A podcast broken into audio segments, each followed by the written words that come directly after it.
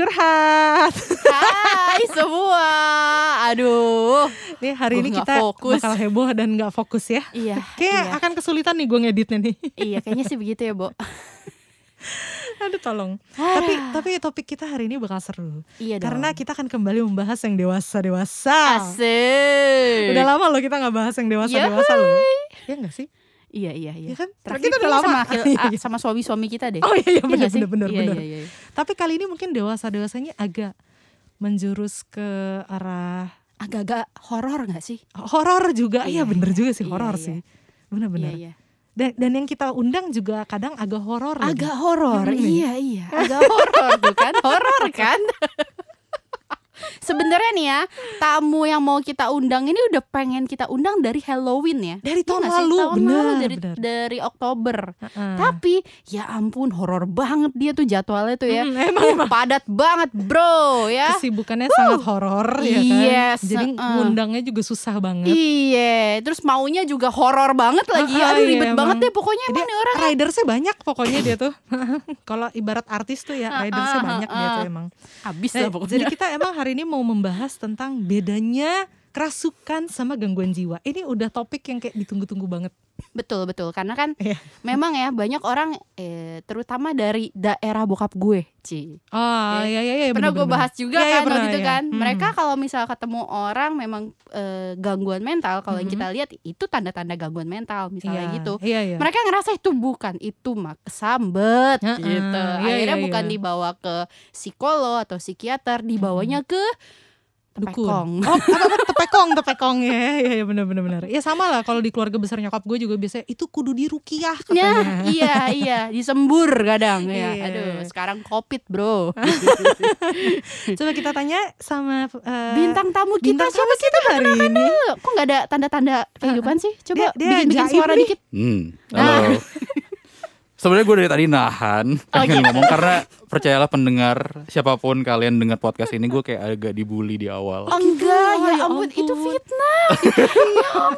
Kita Bercanda guys, bercanda. Kita tuh sangat bahagia loh ya. Iya, ya ampun. Bener nggak bahagianya? Bahagia. Bahagia banget. Kelihatan nggak sincere sih.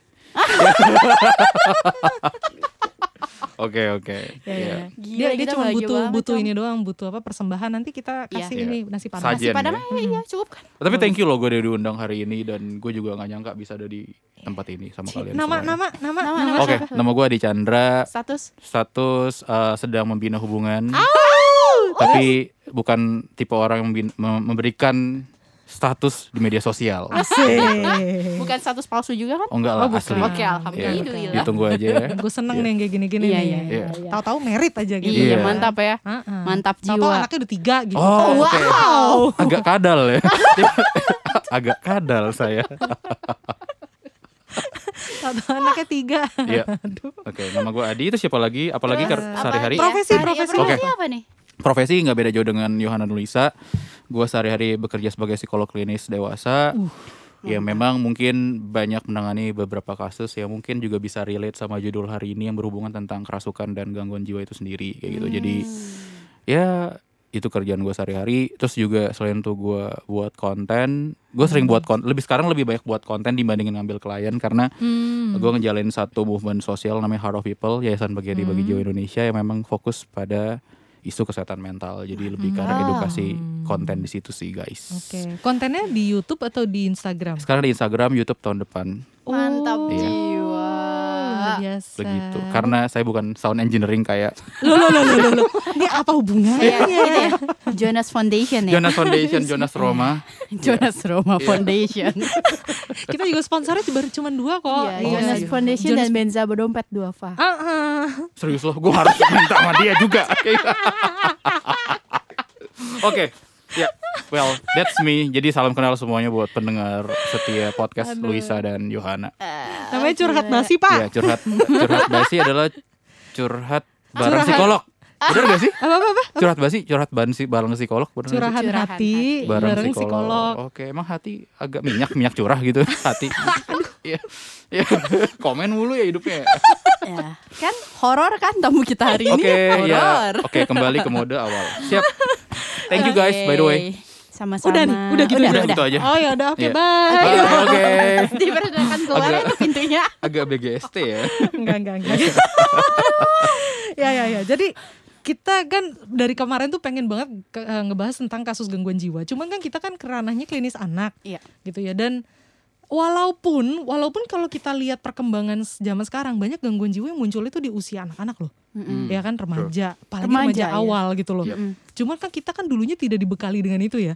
Tidak dibekali dengan, Dengan, baik. leng- lengkap lah Iya, gitu, nggak lengkap, lengkap. gitu. Kita Iya, tuh cuman iya. kayak tahu Tahu ini gangguan ini, Ah, ah, simptomnya seperti ini. Mm-mm. Kenapa bisa seperti ini sih? Apa Iya, sih iya, iya. eh, multifaktorialnya apa aja ya gitu doang. Kita Ah, ah. cuma tahu. Tapi jujur gue, gue kayak nggak pernah ada handle anak dengan gangguan jiwa yang kayak let's say skizofrenia. itu gue nggak pernah. Gue nggak oke. pernah dapet. Oh, gue pernah kebetulan. Oh wow. Umur berapa?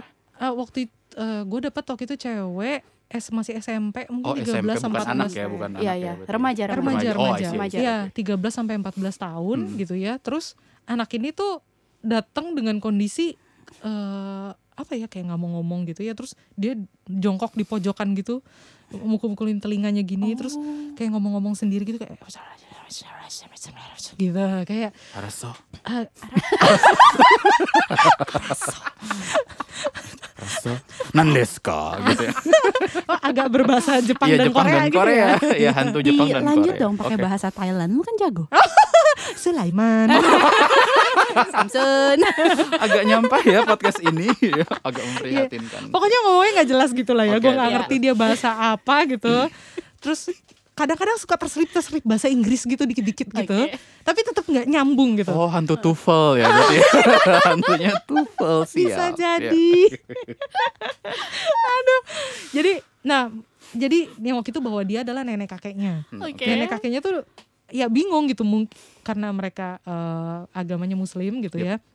Jadi mungkin neneknya ngerasa kayaknya nih apa dia kerasukan atau apa gitu. Tapi tetangganya menyarankan datang ke psikolog. Jadi dia bawalah ke psikolog gitu kan.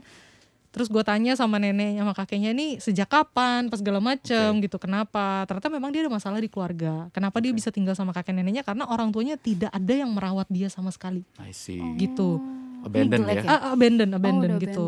Sebenarnya secara hukum dia ikut sama bapaknya, tapi bapaknya sendiri pun kerja di luar kota dan sudah menikah lagi punya anak juga.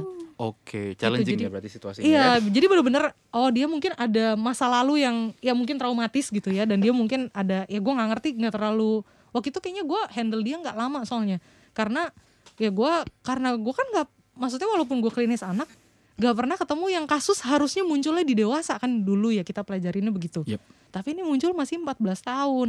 Jadi gue eh gue nggak tahu gue harus ngapain. Gue cuma minta dia eh, dia maunya gambar atau atau nulis. Oke. Akhirnya dia maunya nulis waktu itu.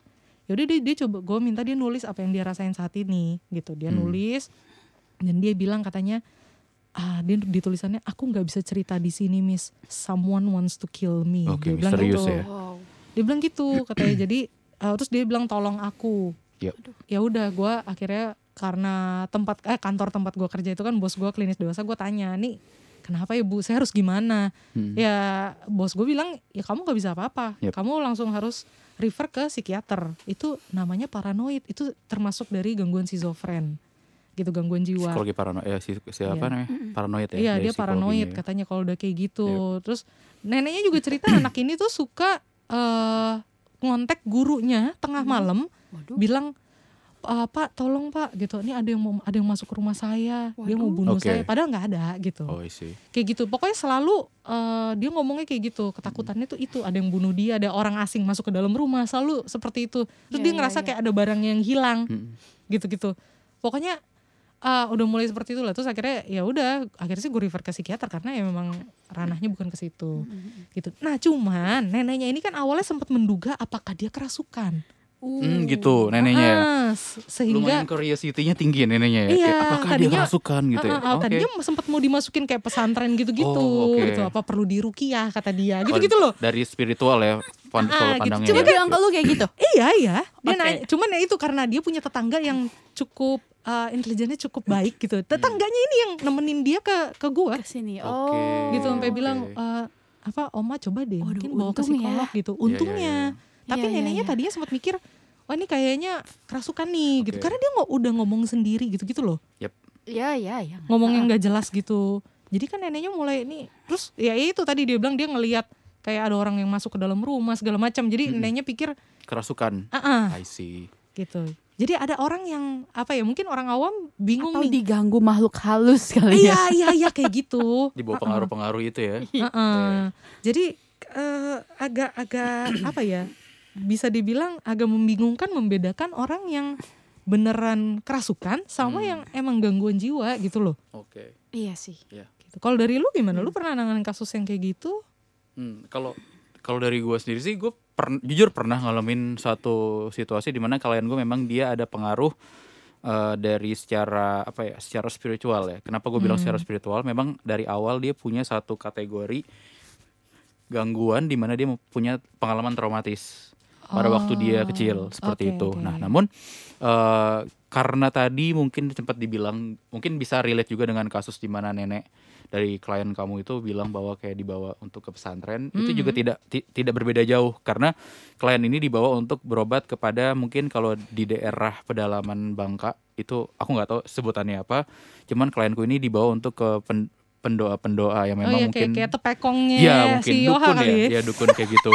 Jadi Tepekongnya gue. iya, karena mungkin uh, awareness awareness orang tua ini anak ini ngalamin satu tadi ada ada semacam gejala-gejala dia ngomong sendiri, ngelihat hal-hal yang tak terlihat. Yang akhirnya sebenarnya memang itu mungkin disebabkan oleh traumatic event dia mungkin dia bisa mengalami sampai adanya gangguan-gangguan psikologis secara klinis gitu. Namun di sini kalau yang gue lihat karena intervensinya adalah secara spiritual terbiasa untuk dibawa untuk ke dukun. Jadi mungkin orang punya mindset bahwa memang ini adalah masalah yang namanya Kerasukan. kerasukan gitu kan Hmm. dan memang kalau gue lihat di sini kerasukannya gue bilang gue bilang akhirnya dia kerasukan karena pada waktu di ruangan konseling gue memang dia ada manifest dia dia berubah menjadi satu satu identitas yang berbeda pada waktu itu Macan? Orang tetap Oh, tapi dengan dengan dengan suara yang berbeda tiba-tiba aing teh gitu ya iya, tiba-tiba kayak Padahal dia orang Bangka ya. iya Tapi baik Bahasanya Sunda. eh tapi kan setan bisa mendownload bahasa apa pun itu gitu kan Bisa kayak mendownload bahasa apa pun ya. Oke, Yes, oke. gitu. Ngeo. Bisa gitu Iya. juga ya. Ini gue ke distract guys. Boleh gak gue jelasin? Nanti gue lupa. Iya. Iya. Oke, oke. Oke, I pull the trigger and then I triggered. Ya. Jadi ketika eh, dari kasus sudut pandang dari klien gue itu memang dia memang punya satu gejala yang berhubungan dengan kayak dibilang isu-isu apa ya klinik ya kalau di, di Ah, Indonesia oh, bilang iya, klinik iya, karena iya, iya. memang di- terbiasa untuk intervensi menggunakan ya dari budaya roh Secara ya itu. secara secara Iya, itu iya. yang even gue nggak tahu itu apa gitu kan jadi Hmm. di sini sebenarnya eh, kalau untuk pertanyaan dari Luisa sendiri untuk membedakan antara kerasukan atau gangguan jiwa itu sebenarnya cukup intriguing. Apa namanya intriguing itu adalah eh, sulit ya. Iya, iya. abu-abu. Ini apa ya? Ini benar-benar kerasukan atau gangguan jiwa kayak gitu kan. Jadi Iya, memang gue ngebuka sebuah fenomena di Indonesia karena tadi adanya semacam kebiasaan atau culture tersendiri dan pendekatan orang Indonesia adalah spiritual. Mm-mm. seakan-akan gangguan kejiwaan atau psikologis itu adalah part of apa namanya eh, gangguan dari roh halus dan semuanya Hmm. gitu meskipun itu ada meskipun ada orang yang Ada punya yang begitu. ada yang seperti Iya, iya, itu iya. nah namun di sini untuk membedakannya adalah gini mau kerasukan dan kerasukan dan gangguan jiwa apa pun yang terjadi itu mempengaruhi psikologis Hmm. jadi kalau Oh. orang dibilang yang namanya kerasukan itu adalah gangguan psikologis kenapa karena kerasukan membuat seseorang tuh susah membedakan hal yang baik dan tidak hal yang benar dan tidak benar itu kan kemampuan psikologis dong Oh, oke. melihat hal yang tak terlihat dalam kontekstual ada yang namanya fungsi dari eh, visualisasi dari mata gitu Iya, kan iya. manusia kan eh, body mind and soul ada Hmm. pikiran ada perasaan ada yang namanya eh, experience di badan seperti itu jadi kalau kalau aku menemukan satu klien di mana berhubungan dengan kerasukan aku tetap melihat itu adalah gangguan psikologis karena melibatkan fungsi psikologis bener nggak Iya benar kan? sih, Betul, benar sih. betul. Biasanya dia kerasukan karena mungkin dia eh, secara selfnya lemah gitu yes kan. kayak gitu nah Ah. Tapi kalau memang seorang uh, datang dengan bilang kayak punya ada gangguan kerasukan dan lain, itu bukan ranah gua. Jadi gua Iya, nggak iya, nggak iya. bisa secara objektif bilang dia kerasukan. Mhm. Aku kan tetap bilang dari sudut pandangku bahwa dia punya gangguan psikologis. Contohnya adalah halusinasi.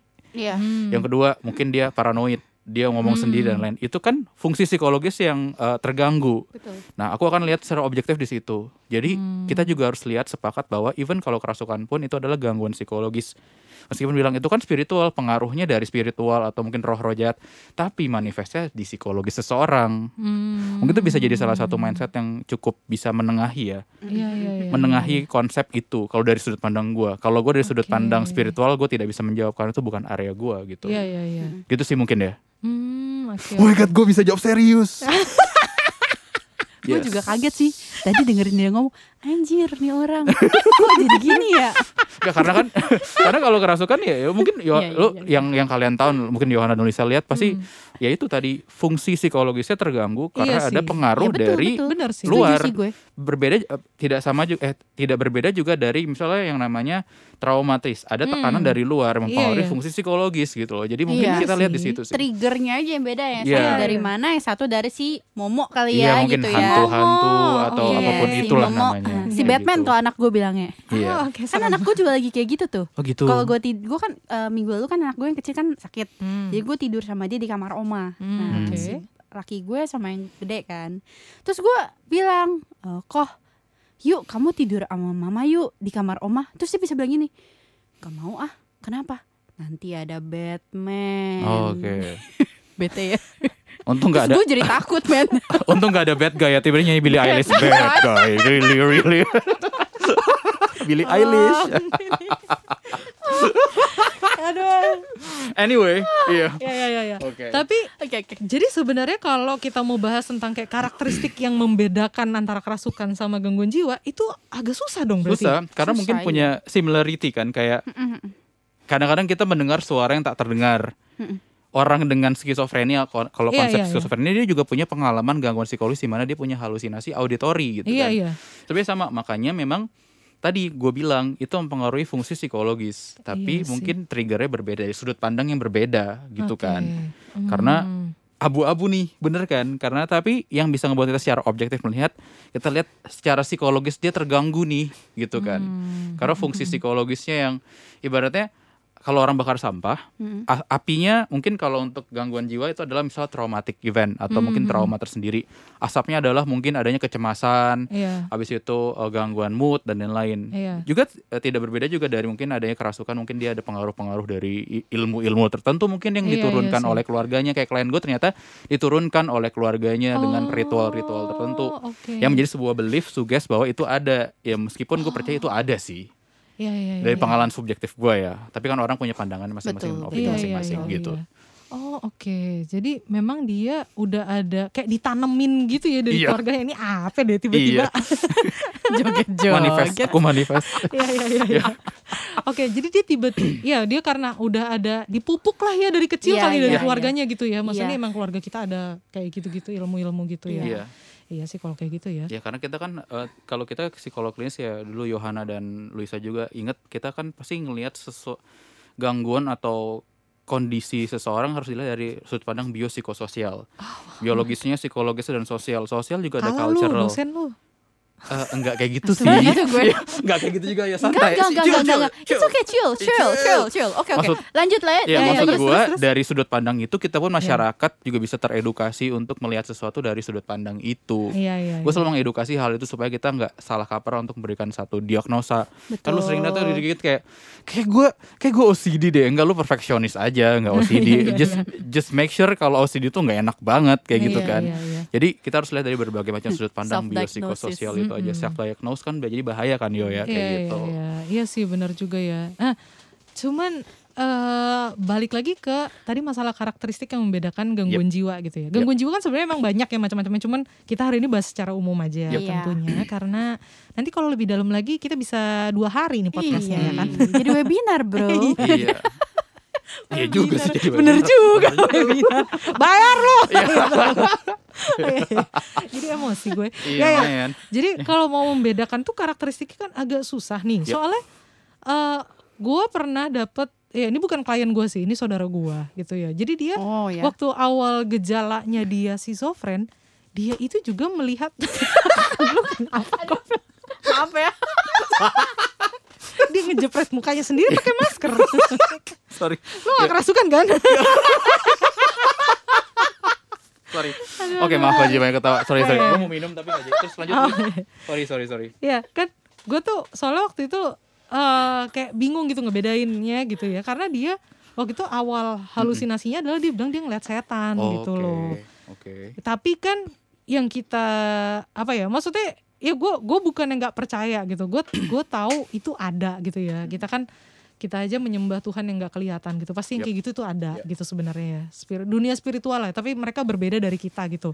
Intinya itu cuman dia bilang dia ngelihat kok setan ini ngomong ke dia kamu tuh nggak berguna mati aja lu gitu gitu loh. Hmm. gitu ya. Dan menurut gue karakteristik setan tuh nggak kayak gitu gitu loh. Bukan bukan yang ayo lu mati aja lo gitu. Nggak nggak kayak gitu gitu. Jadi gue gitu sudah menduga ah ini jangan-jangan dia udah mulai halusinasi nih Yap. gitu ya. Tapi karena ya balik lagi ke keluarga yang tadi kayak lu lah kental dengan yang eh, budaya-budaya gitu oh ini kayaknya karena kurang sholat nih kurang gitu-gitu. Jadi akhirnya waktu itu penanganannya memang kurang tepat sih. Iya. sekarang udah makin parah gitu kan.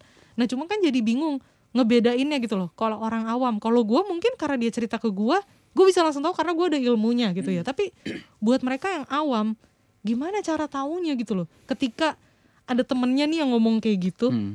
terus temennya ini at least dia bisa sadar oh nih kayak temen gue butuh ke psikolog deh Hmm. nah itu itu tuh gimana caranya gitu loh Oke, oke. Hmm, ini cukup menarik ya pertanyaannya karena kalau dikatakan kayak kapan kita mau ke psikolog karena mungkin orang awam mungkin dia nggak punya clue kan. iya iya iya Jadi ini maksudnya adalah ketika mungkin kita mengetahui ada orang yang mengalami situasi itu maksudnya Hmm, gitu ya. hmm, hmm, Hmm, oke. Pasti satu sih untuk untuk layer pertama pasti edukasi. Dalam Oh. arti adalah mungkin kita sebagai psikolog atau mungkin kalian teman-teman yang nggak bukan psikolog Heeh. mungkin udah bisa ngelihat sih kayak misalnya saat ini membiasakan informasi berhubungan dengan gangguan psikologis. Hmm. Contohnya misalnya dia ngalamin di mana mendengar suara-suara tertentu yang mungkin tidak ada. Ah, Kalau kita teredukasi yang namanya gangguan-gangguan terbiasa mengedukasi diri kita dengan gangguan psikologis, kita akan terbiasa dan tahu aware. Oh, kira-kira orang ini ngalamin apa sih lewat Hmm. bahan-bahan yang kita baca dari iya, iya. sumber-sumber terpercaya jangan asal nyomot juga kayak Iya, gitu iya. kan satu di sini awareness adalah tentang sebuah edukasi Hmm. karena tanpa edukasi gimana kita tahu Betul. di mana kita butuh gitu kan bener jadi edukasi itu adalah salah satu eh, pilihan tindakan yang patut di, di apa ya mulai dinormalisasikan untuk Iya orang sih, tuh bener sih. punya gue. keinginan buat cari dik- tahu cari tahu dig more deeper tapi juga cross check ulang jangan jangan ke trigger dengan informasi contohnya komen di Instagram apa pun itu yang Hmm. belum tentu kebenarannya sah kayak gitu kan Ya. Mm-mm, Jadi, gua akan tetap jawab dari ranah di mana membedakan adalah pentingnya sebuah edukasi ngebuat kita masyarakat terbiasa atas informasi itu gitu karena itu Hmm. paling objektif ya jawaban paling objektif dan kalau dibilang paling aman karena memang sebenarnya itu adalah root dari di mana ketika kita tahu apa yang harus kita lakukan karena kita Iya. aware dan ada edukasi Iya, iya, iya. masker gue turun tidak teredukasi naik naikkan lagi ya Lo tarik-tarikin mulu. iya gila oke gue harus ganti sih bentar lagi nih. Kayak, turun mulu gue ngomong kayak bacot gue gede kayak Gue gue jadi Turun dari gitu tadi gue gak fokus. kayak ketekan gitu terlalu lo gak fokus hidungnya nongol-nongol gitu ya? hidung. By, by the way guys profile gue hidung gue gede gitu. Jadi kayak everyone know that. Oke. Itu sih mungkin ya jadi edukasi itu penting dan ya turun lagi cuy. Jadi kayak mindset di mana edukasi itu ngebuat seseorang itu bisa memahami dia itu adalah Hmm. tadi apa yang terjadi dengan diri dia jangan dilihat juga dia tuh sebenarnya gangguan psikologis apa kerasukan jangan ke situ dulu Oh, lihat oke. secara objektif apa yang kita lihat di depan mata kita gitu Oh, oke. Which is oke dia mendengar suara-suara wah dia kerasukan wah dia gangguan jiwa jangan ke situnya dulu tapi lihat secara objektif apa yang terjadi dengan kondisi Ya, ya, ya, psikologis ya, ya. dia Iya. psikologis Jangan kan langsung ngejudge dulu gitu iya intinya benar ya. Oke, karena psikologis kan pikiran perasaan tindakan psikologis ada ada proses psikologis Iya, proses iya, iya. mental itu Semuanya gitu. terintegrated gitu Iya. lah ya. yes begitar jreng Begitu. Jreng. Mantul. Nah, sekarang boleh sharing nggak kalau gitu? Nggak boleh Eh, kok gitu? pulang. Udah capek-capek datang pagi Awas ya kan? ya. Ya, lu telat. ya karena dia ibu-ibu anaknya tiga eh dua dua dua Tiga bener. Satu Ah, lagi tuh yang suaminya. iya Yang paling gede. yang paling agak gede. bayi baliton ya bayi lima ton Iya betul baliton. Oke lanjut. Iya, iya. Sorry. Nah, boleh lo boleh ini nggak share eh, apa ya karakteristik mungkin yang lebih umum gitu, nggak usah detail. Yup. Ya mungkin bisa bantu teman-teman yang teman-teman pendengar yang awam gitu ya teman-teman curhat yang awam ini nih mereka bisa bisa tahu gitu loh oh kalau kayak gini nih berarti paling enggak lu harus ke psikolog gitu Berarti ada- mereka jadi aware gitu kayak oh something wrong with myself Iya, sehingga ah, gue ah. harus ke psikolog. True. atau atau something wrong with this person gitu Iya. loh berarti Jadi- dia nih harus ke psikolog gitu Sebaiknya ke psikolog gitu. Iya daripada dia ke maksudnya harus di rukiah atau harus ke tepekong gitu-gitu loh. Iya, gimana tuh? Mungkin satu yang bisa kita lihat secara objektif, mungkin kan kita ngomong konteks di mana kita kenal orangnya ya, Iya, bukan iya, tiba-tiba orang nggak kenal kita langsung berikan satu insight kan. Iya, iya, enggak, Nah, di situ teman-teman bisa lihat dari kebiasaan teman-teman. Temennya eh, teman-teman Iya, iya. bisa kebiasaan eh, orang itu. te- teman kamu atau teman Hmm. kalian Iya. lah ibarat atau anggota keluarga. Iya. Kebiasaan bisa dilihat dari di mana jam biologis dia. Dia bangun tidur nggak bangun tidur. Oh. Gangguan tidur, kok kenapa orang ini jadi suka begadang? Abis itu kayak nggak bisa tidur. Abis itu mungkin bangun siang hari. Dan Kit- itu intensitasnya harus panjang dong. Yes. Nggak bisa cuman seha- hari Sehari. ini gue nggak bisa tidur nih Bener. terus kayak gitu. Bener. Ah, itu lu dong. Gue dong iya makanya gue langsung eh jangan-jangan gue nih. iya, tenang santai, belum selesai pak. Iya, ya? iya. Enggak, jadi mungkin lebih gampang lihat dari kebiasaan sehari-hari dulu sih, Iya. karena Oke, oke. eh, kita kan nggak tahu apa yang dialami oleh pikiran atau perasaan orang itu sendiri. Iya, Cuman iya. eh, simptom-simptom yang paling nyata yang bisa dilihat sebelum kita lihat atau kita melihat orang itu punya gangguan itu dari keseharian mereka. Gimana kebiasaan mereka merawat diri dari mereka mau mandi, makan. Habis itu motivasi dia sehari-hari ya mungkin kalian bisa lihat dari kebiasaan dia mungkin awalnya periang jadi tidak periang atau mungkin biasa aja jadi terlalu periang. There's something, there's something kalau Iya. kadang-kadang aksesoris tuh ada buat hidup manusia untuk menutupi sesuatu. Hmm. Iya, iya, iya, iya. Ha. Oke. Jadi kayak kena tuh kadang kadang-kadang menunjukin sedih aja susah kan kayak gitu di Iya, Indo iya. terutama ya. Nah, ah, Apalagi buat benar-benar. cowok nangis aja di dibilang lemah gitu kan. Iya. Padahal nggak Iya. juga gitu kan. Hmm. Jadi mungkin teman-teman bisa lihat dari kebiasaan sehari-hari dari teman kalian tuh ada perubahan keluarga kalian. drastis gitu ya. Iya dan Oke. ada hal yang mungkin di luar dari kebiasaan mereka. Mungkin jangan bilang tadi punya gangguan jiwa. Cross check, Hmm. Ada sesuatu Iya, pokoknya. cross iya, check, aware. paling nggak punya masa berarti bermasalah. Ada gitu. masalah Jangan nih. bilang gangguan Iya, dulu Iya. gangguan. Iya, iya. Dan juga ada ingat tadi masalah. Yohana kasih poin yang penting tentang jangka waktu yang panjang Hmm. karena kalau gangguan jiwa itu tuh kontekstual klinik clinical psychologist tuh pasti ada yang namanya uh, lamanya onset waktu onset tuh Iya. kayak uh, panjangnya waktu durasi terjadi uh, simptom itu gitu jadi Hmm. lebih ke arah lihat dari yang namanya kebiasaan sehari-hari nah yang kedua Hmm. dari pola pikir bagaimana dia berpikir konten-kontennya mungkin kayak beberapa temen gue even di luar dari gue psikolog gue aware bahwa kayak temen gue ini udah mulai demotivasi di kerjaannya Hmm. dia udah mulai ngeliat hidupnya secara negatif Hmm. Hmm. there's something wrong maybe Iya. dari diri dia gitu kan jadi eh, gangguan psikologis itu bukan penyakit jiwa maksudnya iya, kayak iya. terganggu psikologisnya karena terhambat karena adanya tekanan-tekanan tertentu jangan tiba-tiba bilang dia depresi padahal dia memang kayak lagi nggak semangat atau frustasi aja Iya, gitu iya, iya. Iya, something iya, iya. something like that sih yang paling gampang ya yang paling Kadang-kadang soalnya gampang kecenderungannya orang tuh belum apa-apa udah langsung ngejudge dirinya tuh sesuatu yang Oh benar. berlebihan. Iya, iya, depresi nih, gue apa Iya. nih, gue apa nih. Kenapa sih? Apa enaknya sih lu depresi gitu loh. enak Iya, sih. iya. Makanya. Atau kalau yang kayak lu bilang biasanya orang tua udah langsung oh ini anak saya ADHD nih gitu. Hmm, Padahal oke aktif doang padahal Iya. ya. Ah, padahal padahal aja. nggak kenapa-napa gitu terus Iya, atau nggak iya. anak saya autis nih gitu iya, kan. iya, Padahal iya. enggak, enggak kenapa-napa. iya, iya, betul, betul, Kayak betul. gitu. Ya mungkin itu kali ya terlalu terlalu cepat ngejudge gitu ya. Iya, Iya, iya. karena tidak adanya edukasi tadi Betul. Benar juga sih. itu Atau aja mungkin sih ada edukasi di, mungkin ada, tapi mereka itu terimanya itu apa ya? Sesat nggak sih? Kadang-kadang sekarang Hmm. banyak loh di sosmed lu Hmm. lihat deh, banyak orang sharing tentang apa sih OCD, apa sih Yap. Hmm, depresi. iya, iya, iya. Tapi mereka itu nggak bilang eh sebenarnya nggak semua gejala ini mengarah ke depresi. Sebenarnya ada mungkin lu cuma frustasi doang, mungkin lu Benar. cuma apa.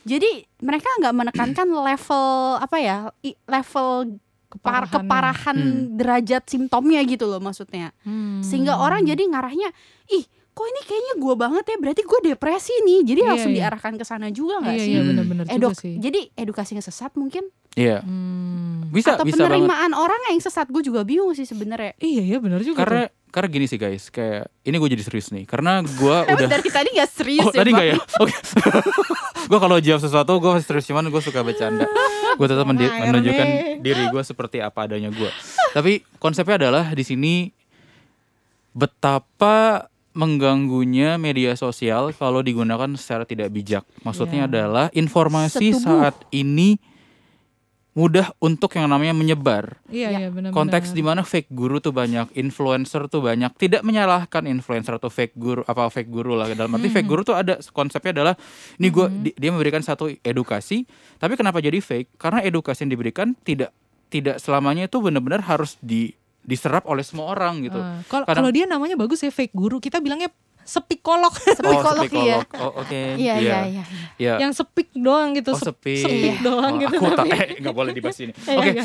Ya, jadi konteks konteksnya itu sih sebenarnya eh, media sosial tuh bagus. Kita Iya, kita iya. nggak bisa kita nggak bisa pungkiri kita membutuhkan media sosial itu. Tapi Iya, kita iya. juga harus punya kebijak kebijaksanaan dalam diri kita untuk eh, berhati-hati menyerap informasi yang belum tentu bener keabsahannya Betul, kayak betul. gitu. Iya, Betul. Yang benar dibilang sih. Yohana tuh edukasinya ada tapi sekarang over educated dan tidak ada standar yang jelas karena tidak ada batasan informasi itu tuh menyer apa ya informasi itu sangat banyak di media sosial gitu kita nggak bisa ngelihat hal yang ini media sosial tuh terkadang ngebuat kita tuh semakin tidak tahu banyak hal kenapa Kenapa? Karena kita terpapar oleh banyak informasi yang kita nggak tahu yang benar yang mana Betul. Oh, itu dia maksudnya. mantap. Iya, iya Nah, benar. eh. Benar. Jadi kayak Benar, apa ya? benar, benar. Ya, sih. let's say kayak itu deh. Sekarang kan orang banyak ya. Gue sih senang-senang aja. Eh, dari tahun lalu tuh gue ngelihat di circle gue udah banyak kalau udah mulai banyak orang-orang yang aware sama kesehatan mental True. ya. Hmm. eh itu bagus ya.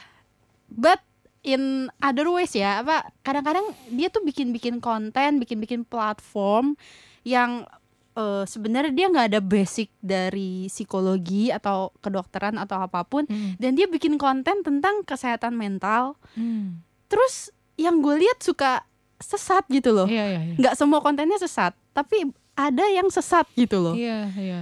Terus gue jadi kayak ngerasa miris gitu loh. Hmm. kesian banget nih dia tuh dia nggak tahu kalau dia sesat dan gue nggak bisa menyalahkan dia juga sih ya kan dia Iya. juga memang nggak belajar dia cuma ngerasa gue aware gue gue gue pengen jadi pejuang kesehatan mental nih aktivis atau iya advokat jadi gitu-gitu eh, ya. gue pengen berkontribusi supaya orang-orang lebih aware sama yang namanya kesehatan mental Hmm. tapi mbok ya nggak begini juga kan Hmm. gitu Iya. I see. That's true. Oh, itu oke. fenomena ya itu fenomena Iya, ti- gitu tidak menyalahi mereka cuman itu fenomena secara Iya. realita itu ya salah makanya gitu kan. kadang-kadang gue suka gue suka remind sih ke teman-teman gue Hmm. lu kalau mau nyari info dari sosial media dari Google atau apa pun go ahead boleh aja tapi pastikan itu tuh dari sumber yang terpercaya True. yang Hmm. emang ada kredibilat be- kredibilitasnya gitu loh Hmm. jadi bukan yang kayak asal-asal nyomot dari blog orang yang nggak jelas dia Hmm. cuman ya menurut pandangan dia doang gitu Iya, loh bahaya sih. artikel Itu artikel bahaya juga banget, yang iya. jelas ya, ya, ya, belum ya. lagi kalau misal berdasarkan pengalaman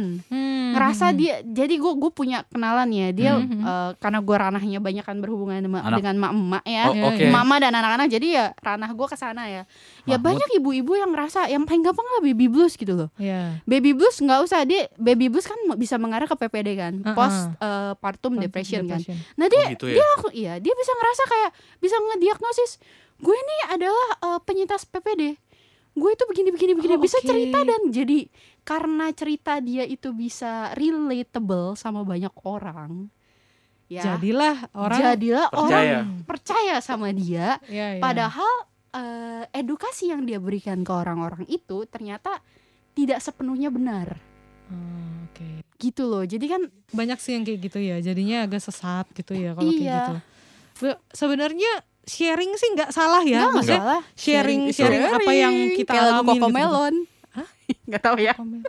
Hmm, oh, wow sharing is caring Oh baiklah. Cuman mama yang tahu. Iya. Ya. Belum, Nanti belum, belum, belum. kalau lo orang udah punya anak Bah, iya, mampus lu dengerin Cocomelon tiap hari Aku bisa cari di YouTube gue sekarang sih Kalau gue dulu tuh seringnya dengernya ini Mother Finger, Mother Finger, Itu where juga. are you? Here semua I am, here I am, middle. Tuh kan dia tahu juga. Ini Iya, kenapa kita jadi ke sini ya? Oke, Oke, karena oke, kan oke. psikolog anak. Ya, ya. Eh, kalau gitu terakhir nih terakhir. Yes. Ada nggak sih Time tips yang bisa lu kasih gitu ya? Em, ke teman-teman curhat yang mendengarkan ini. Oh temcur, teman curhat Temcur. namanya. Temcur. Iya, temcur. Oh, sorry, sorry, teman curhat. Oke, terus terus terus terus. Temcur yang pancur, dipancing curhat. Pancur. Ya. Temcur pancur. Sorry bro, sis. Sorry Oke. banget nih. Nih tips apa yang harus dilakukan kalau misalnya mereka mungkin ada kerabat atau teman Hmm, gitu ya hmm. yang mengalami kayaknya udah mengalami gangguan gitu Iya. ya. Terutama soalnya gini loh, sering kali kan apalagi orang awam ya, udah udah terlanjur udah terlanjur tiba-tiba tuh udah parah gitu loh. Yep. Kira-kira sebaiknya harus apa Oke. sih mereka-mereka ini kan mereka awam juga nih gitu loh. Hmm, Harusnya oke. bagaimana menanggapi orang-orang yang suka misalnya Unik. eh, iya iya yang Unik. yang Betul. mungkin dia cerita eh tadi tuh gue lihat gini gini gini loh kan kebanyakan orang yang nggak tahu pasti akan ah lu lebay aja lu gitu Hmm. jadi ketika mereka udah punya masalah atau depresi atau rasa trauma itu Hmm. yang akhirnya bikin mereka jadi susah cerita sama orang lain tuh karena gitu Iya, Bangun tembok jadinya ya. Iya. rusak ya. apanya Trust. Iya. Trust me. it nah jadi works. kira-kira harusnya bagaimana sih menanggapi Hmm. dengan baik gitu ada Ini- tips nggak Eh, oh, gue kayak serem gitu kasih tips-tips sotoy gitu kayak oke guys jadi. Enggak, jadi satu. aku dong. sayang ibu dua iya. Oke. Eh, tipsnya adalah eh, gini. Kalau tips and trick satu pergilah ke psikolog. Dua itu banyak di Google lu cari aja gitu. Iya. tapi tadi lu harus cross check tapi kita harus punya mindset sih sebagai seseorang gini. Hmm, keburukan kita karena kurang edukasi kita sudah memberikan satu judgement yang salah terhadap perilaku orang yang mungkin berbeda dari seharusnya Ah. gila dia ngomongin kita malam-malam gila dia ganggu banget belum tentu siapa tahu memang dia butuh pertolongan kan iya Kayak sih gitu. Iya. Nah, bener tuh di situ jadi satu mindset yang cukup harus eh, ditelaah lebih dalam buat setiap kita menjadi manusia yang tidak shallow, tidak dangkal dalam memberikan sebuah respon Tuh. gitu kan. Jadi eh, edukasi itu penting karena kenapa kita tuh tidak tidak bisa memahami orang itu kan lack of education itu pertama. Ya, yang kedua adalah pentingnya connection. Gini, Maksudnya? kalau eh, kalau kita ngelihat teman kita sebatas dia bermasalah atau tindakan yang aneh atau mungkin ada perilaku dia yang memang cukup membuat kita terganggu, kita nggak akan bisa connect sama orang itu. Karena ada level of judgment yang meningkat karena Ya. kita nggak ada edukasi. oh iya Jadi- juga sih Jadi biasakan kita tuh punya satu mindset di mana kita tuh try to connect dan a Wis, The gila sense of sense of correct tuh kan Duh. harusnya dia nggak gini, harusnya jam malam dia nggak kayak gini. Hey dude, we never know what's wrong with your friend. Hmm, Gitu loh. Jadi ya, eh, ya, itu ya, mindset ya. sih supaya kita menjadi manusia yang punya satu level of apa ya? Level of empathy tapi nggak over empathy. Hmm. eh, minim of level judgment karena nggak mungkin kita nggak punya judgment terhadap sesuatu kan Iya. tapi kita harus punya mindset di situ sih untuk coba connect sebagai manusia jangan manusia yang melihat bahwa perilaku dia kayak nggak nggak bener. Atau mungkin kayak kayak berbeda lah seperti Iya, itu. iya, itu iya. itu itu step step two sih. Kalau memang lu udah bisa connect sama mereka mereka bilang kayak you need help. You need you need, eh, apa ya professional help. Baru itu bagian professional helps gitu. Yang ketiga, don't try, don't, don't you ever dare try to make something itu tuh sesuai dengan keinginan lo. Terkadang juga ada satu hal yang gue temui ketika seseorang bilang lingkungan toxic. Iya Gue kemarin Benar. baru nulis tentang toxic toxic situation ya, bukan relationship ya. Situation iya, kan uh, lebih common kayak gitu. Terkadang kita yang kita yang ada di lingkungan itu merasa ada di lingkungan itu karena kita punya pilihan untuk trying to fix something oh iya bener juga trying to sih. fix something, trying to prove that I can do better for help to apa ya untuk menolong mereka untuk mencoba mem- memperbaiki sesuatu yang sebenarnya pada dasarnya lu tahu lu nggak bisa untuk merubah situasi itu. Hmm. Jadi terkadang kita juga over help, terlalu menolong, terlalu involve juga membuat seseorang tuh Betul. diri kalian frustasi nggak bisa berubah, orangnya pun jadi nggak bisa dapat pertolongan yang tepat karena Hmm. tadi terlalu tadi ter- mungkin terlalu sok tahu mungkin jadinya. iya iya iya Jadi iya. bisa ada setuju ada itu. dua arah seperti itu. Edukasi penting buat kita tuh punya judgement yang tidak terlalu berlebihan dan kita bisa connect sama orang tapi juga jangan terlalu involve ke orang lain kayak gitu kan. Iya. Karena sometimes orang tuh punya timeline sembuhnya masing-masing. Betul. Se- sebatas kita care and kita connect sama manusianya it's enough I think. Kita tanyain, "Oh, kenapa sih? I cannot fix your problem but oke, gua ada waktu tapi gua nggak malam ini gue bisa standby besok pagi dalam waktu misalnya 8 menit karena gue ada kerjaan ngomong Hmm. sejujurnya Hmm, jangan langsung ngejudge dia akan tadi kayak menghabiskan waktu gue belum tentu kalau emang dia menghabiskan waktu lu lu kasih tahu batas sehat lu gitu nggak Iya, apa-apa it's iya. fair enough Iya, jangan diem terus ngomongin ke belakang orang lain gibah It's not fixed ya ngerti gak sih lo? Iya, iya, Ngapain iya, gitu? iya. Ih tau gak sih males banget Iya, ya dia. Ah, ah, ah, ah, iya, ah. Iya, Ya, iya, iya, Intinya iya. gitu sih kalau dari gue ya cuy. Ah, Oke iya. oke, benar benar benar benar benar benar. Hmm. Dapat insight banget ya kita ya Bu Iya, hari ini ya. Gila luar biasa loh. Luar Bayar. biasa. Lah, udah bentar lagi nasi bungkusnya datang. Oh, nasi bungkus. Jangan Yes. sedih, jangan sedih. Gue lover cuy asli. Murah ya. Kita murah. Iya, oh. Kasih nasi bungkus Bukan murah seneng. karena gue bisa melihat hal mahal dari hal kecil.